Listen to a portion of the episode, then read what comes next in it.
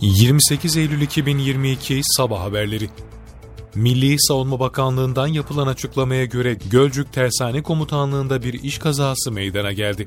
Kaza sonucunda sözleşmeli er Enes Bıyık şehit oldu. Bir asker de yaralandı ve derhal hastaneye sevk edildi.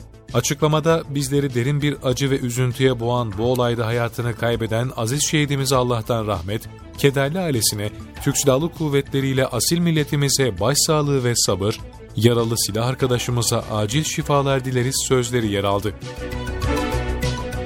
Küresel ekonomik krizle mücadelede önemli adımlar attıklarını işaret eden Cumhurbaşkanı Erdoğan, asgari ücretten memur ve emekli maaşına kadar tüm kesimlerin gelirlerini yılbaşında ciddi bir şekilde yükselterek refah kaybını gidermekte kararlıyız dedi. Cumhurbaşkanı Recep Tayyip Erdoğan AK Parti Kadın Kolları kuruluştan bugüne Merkez Yürütme Kurulu'yla il başkanlarıyla toplantı programında konuştu. Sosyal destek konusundaki ölçünün Türkiye'nin imkanlarını tüm vatandaşlara paylaştıracak şekilde bir sistem kurduklarını vurgulayan Erdoğan, ülkemizdeki her 10 haneden birini kapsayacak bu program sosyal devlet ilkesinin en üst aşamasıdır. Sosyal devletiz ve bunun gereğini de hayata geçiriyoruz dedi. Milli Savunma Bakanlığı'ndan yapılan açıklamada teröre ve teröriste hiçbir yerde geçit verilmediği belirtildi.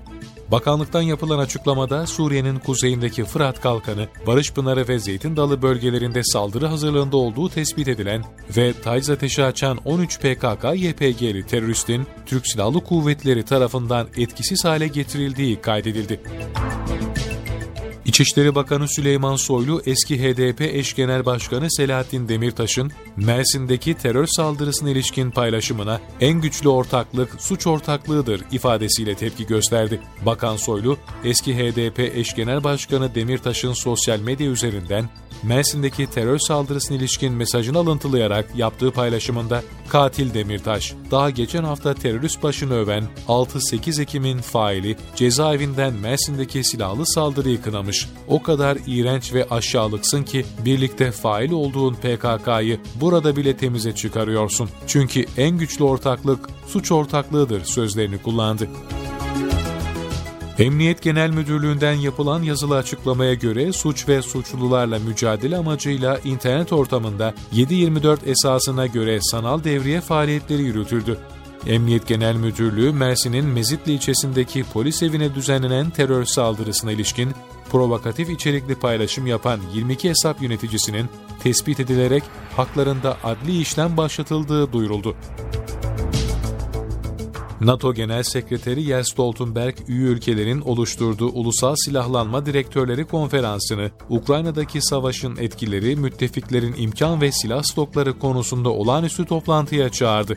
Toplantıda konuşan Stoltenberg, NATO stoklarını geliştirmek Ukrayna'ya desteği sürdürmemizi sağlayacak dedi. Stoltenberg ayrıca Ukrayna Devlet Başkanı Zelenski ile de görüştü. Görüşme hakkında sosyal medyadan açıklama yapan Stoltenberg, NATO'nun desteğinin sarsılmaz olduğunu belirtti. İsveç Ulusal Sismik Ağı, Baltık Denizi'nin altındaki Rus doğal gaz boru hatlarındaki sızıntıların yakınında iki patlamanın tespit edildiğini duyurdu. İsveç İstihbarat Teşkilatı da sızıntılarla ilgili bir soruşturma başlatıldığını duyurdu. Danimarka Başbakanı Mitte Frederiksen, Baltık Denizi'nde Rusya'dan Avrupa'ya giden bir boru hattında 3 sızıntı tespit edilmesinde sabotaj ihtimalini göz ardı edemeyeceğini bildirmişti.